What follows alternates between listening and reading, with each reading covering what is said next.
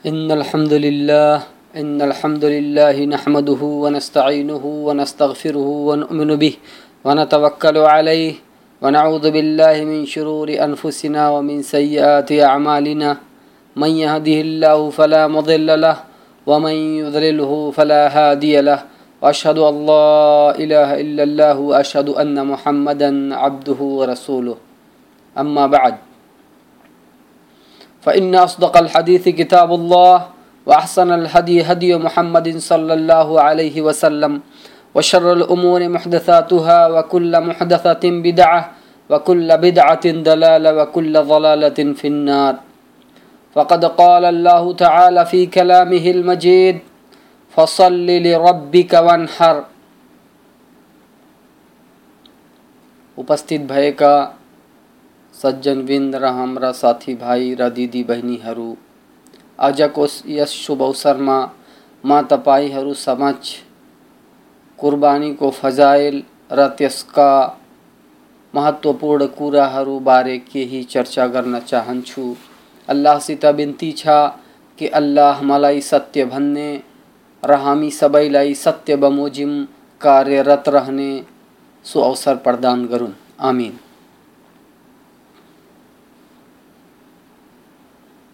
रमज़ान पश्चात आउने ईद जस्तै कुर्बानीको ईद पनि मनाइन्छ र कुर्बानीको ईद जिलहिज्जाको दसौँ दिन मनाइन्छ जस दिन कि हाजीहरू ठुलो जमरालाई कङ्करी हान्छन् यसको बारेमा तपाईँहरू समक्ष केही कुराहरू राख्दछु। मलाई आशा छ, यसद्वारा हामी सबैलाई लाभ पुग्दछ। अल्लाहले भन्नुभएको छ, फसलले रब्बिका वनहर। आफ्नो रबको लागि, आफ्नो प्रतिपालकको लागि नै। नमाज़ कायम गर र कुर्बानी गर।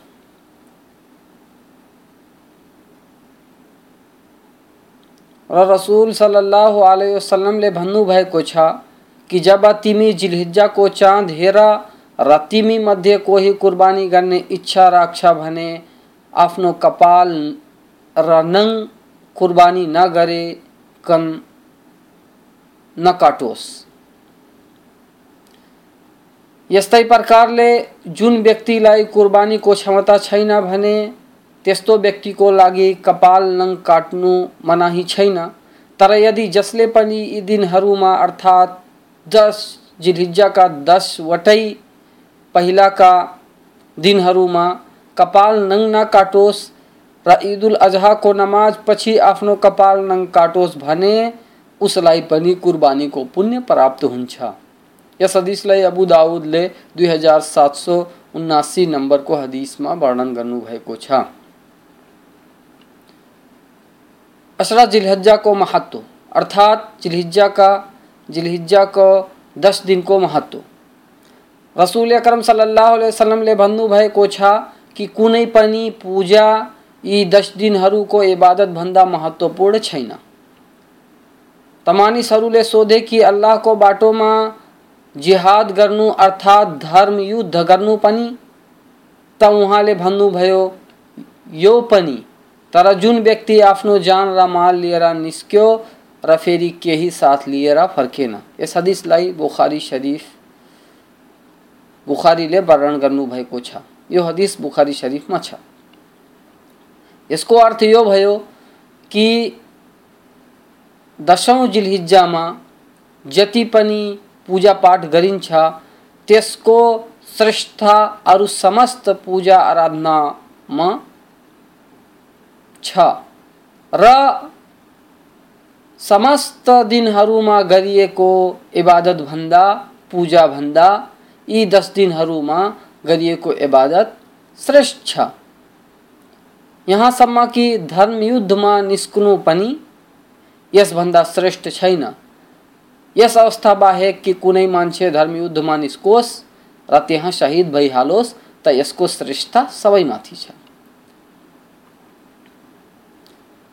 कुरान व हदीसमा कुर्बानीको धेरै महत्व र प्रशंसाको वर्णन गरिएको छ अल्लाहको फरमान छ, आफ्नो रबको लागि नमाज़ पढ र कुर्बानी गर।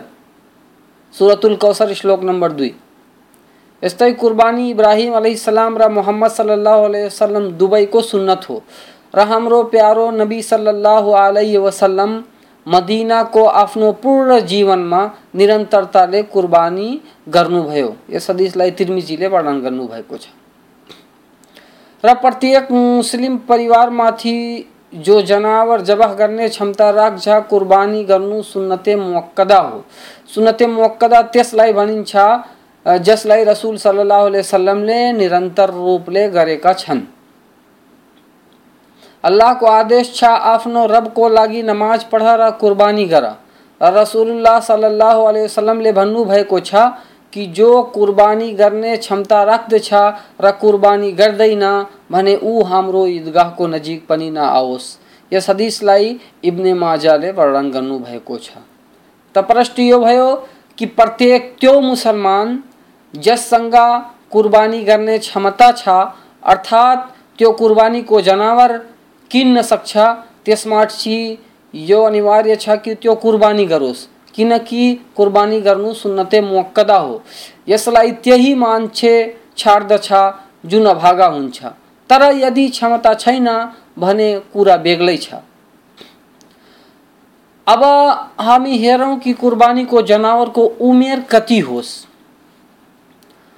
कुर्बानीको जनावरको उमेरको बारेमा विद्धहरूको भनाइ छ कि कुर्बानीको जनावर दाँता होस्, अर्थात् एक वर्षभन्दा अधिकको होस्, एक वर्ष वर्षभन्दा पहिला जनावर बाख्रा दाँत्दैन र हामीहरू जसरी नेपाल, भारत आदिमा अधिकांश मान्छेहरू बाख्रा नै बलि गर्छन्, कुर्बानी गर्छन्, यसले गर्दा म बाख्राको बारेमा नै कुरा गरिरहेको छु तर भेडालाई पनि कुर्बानी गर्न सकिन्छ र यदि बाख्रा दाँतिएको नमिलोस् भने भेडाको जजा जुन जजा त्यस भेडालाई भनिन्छ, जुन दाँतेको हुँदैन त्यसलाई कुर्बानी गर्न सकिन्छ।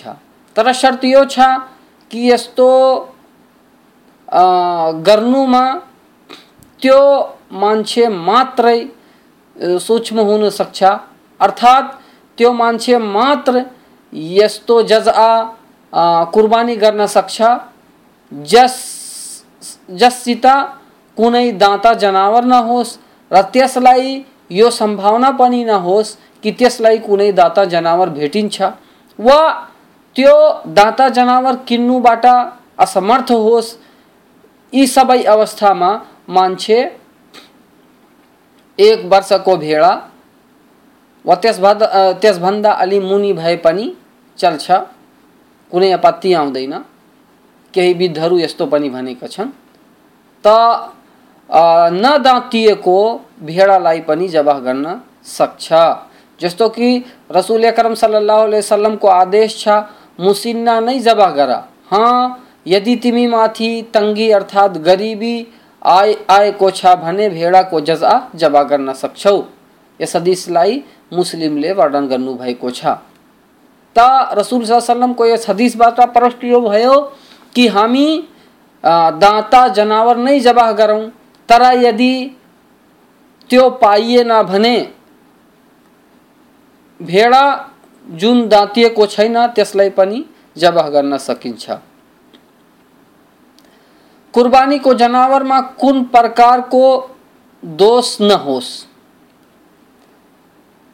ता जनावर कानो, लंगड़ो सिंह भाँचिएको कान काटेको बिरामी परेको र धेरै दुब्लो जसमा बोसो चर्बी न होस मात्रै हाड होस्, यस्ता खालका जनावरहरूको कुर्बानी जायज़ छैन। रसूल अकरम सल्लल्लाहु अलैहि वसल्लम को आदेश छ चार किसिमको जनावर कुर्बानीमा जायज़ छैन। पूर्ण रूपले आँखाको, कानो भएको पूर्ण रूप में बिरामी भएको लङ्गडो जसको लङ्गडोपना ज़ाहिर होस् र दुब्लो कमज़ोर जसमा चर्बी बोसो नहोस् सही मुस्लिम हदी सही मुस्लिम र तिरमिजी तिर्मिजी म पनि यस हदिसको वर्णन छ।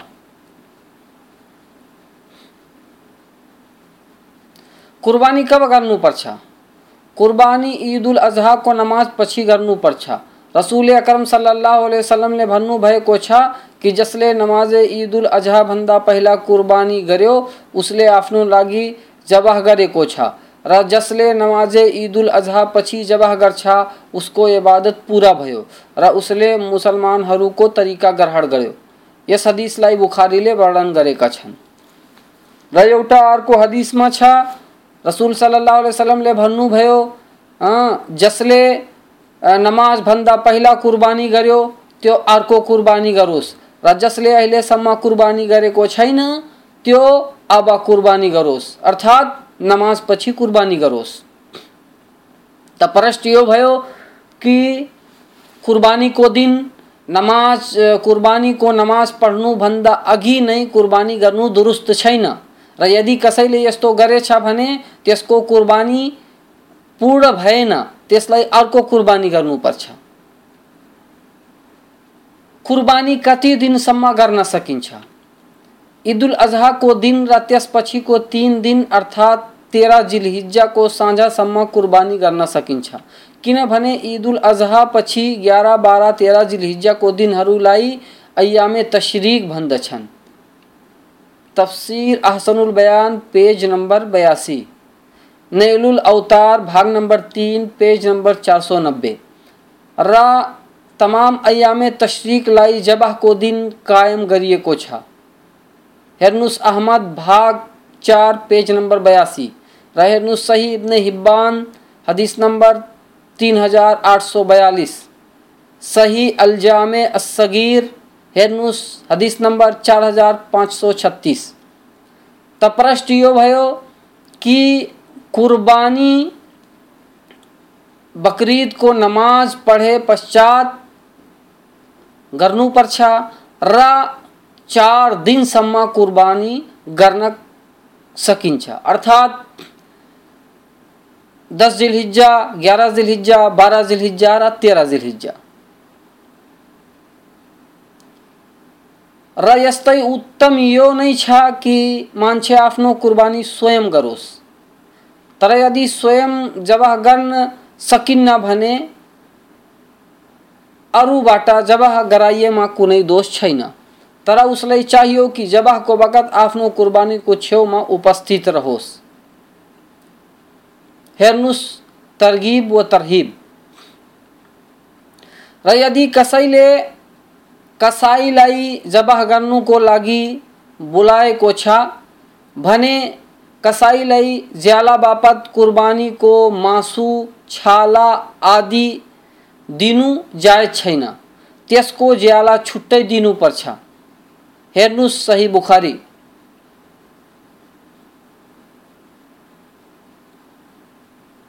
कुर्बानी को मासु वितरण गर्ने तरिका। कुर्बानी को मासू को बारे में कुरान व हदीस में कुनै खास शर्त छैन कुर्बानी गर्ने व्यक्ति स्वयं खाओस् र गरिब, गुर्बा, दुखी दरिद्रमा पनि, वितरण गरोस् र इष्टमित्रलाई पनि खुवाओस् र त्यसपछि यदि बचेको छ भने राख्न सक्छ, तर गरिब, दुखी दरिद्रमाथि अवश्य ध्यान दियोस्। यो हदीस बुखारी मुस्लिम में वर्णन गरिएको छ।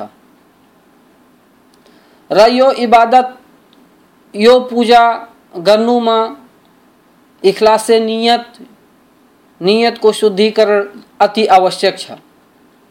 इस्लामको हरेक कार्यमा नियत शर्त छ, अल्लाहको रसूल सल्लल्लाहु अलैहि वसल्लमको आदेश छ कि कर्महरूको दारोमदार निर्भरता नियतमाथि छ। बुखारी भाग नम्बर एक। कुर्बानीको मासु र खुन अल्लाहलाई पुग्दैन, तर तिम्रो तकवा अल्लाहप्रतिको प्रेम र श्रद्धा उसलाई पुग्छ। सुरतुल हज।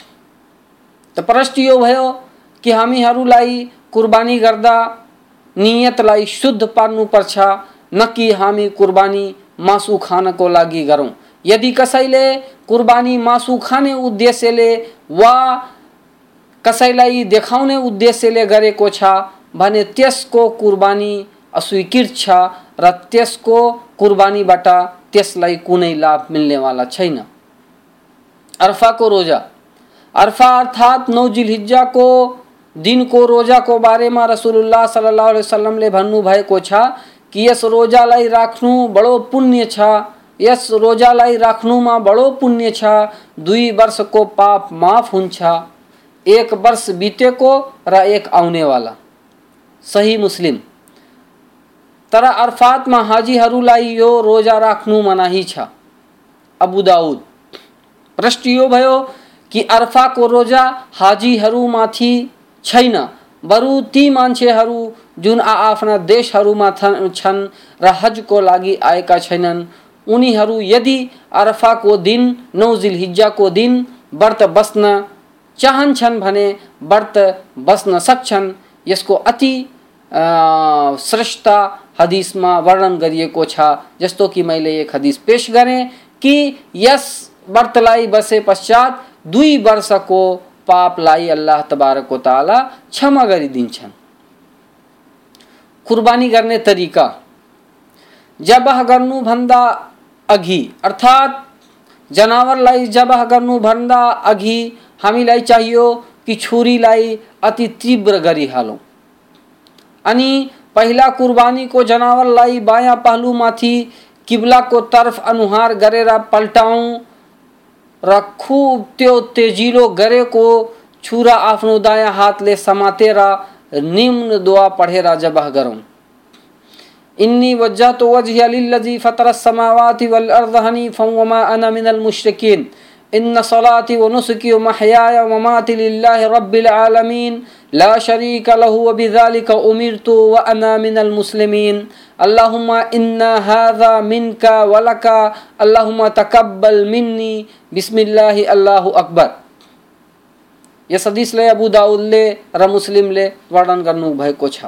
यो दुआ पढे पश्चात त्यो जबह गरोस् यदि अरू कसैको नाममा कुर्बानी गर्नु छ भने मिन्नीको ठाउँमा मिन भनेर त्यसको नाम ल्याओस् अनि दुवा पूर्ण गरेर जबह गरोस्।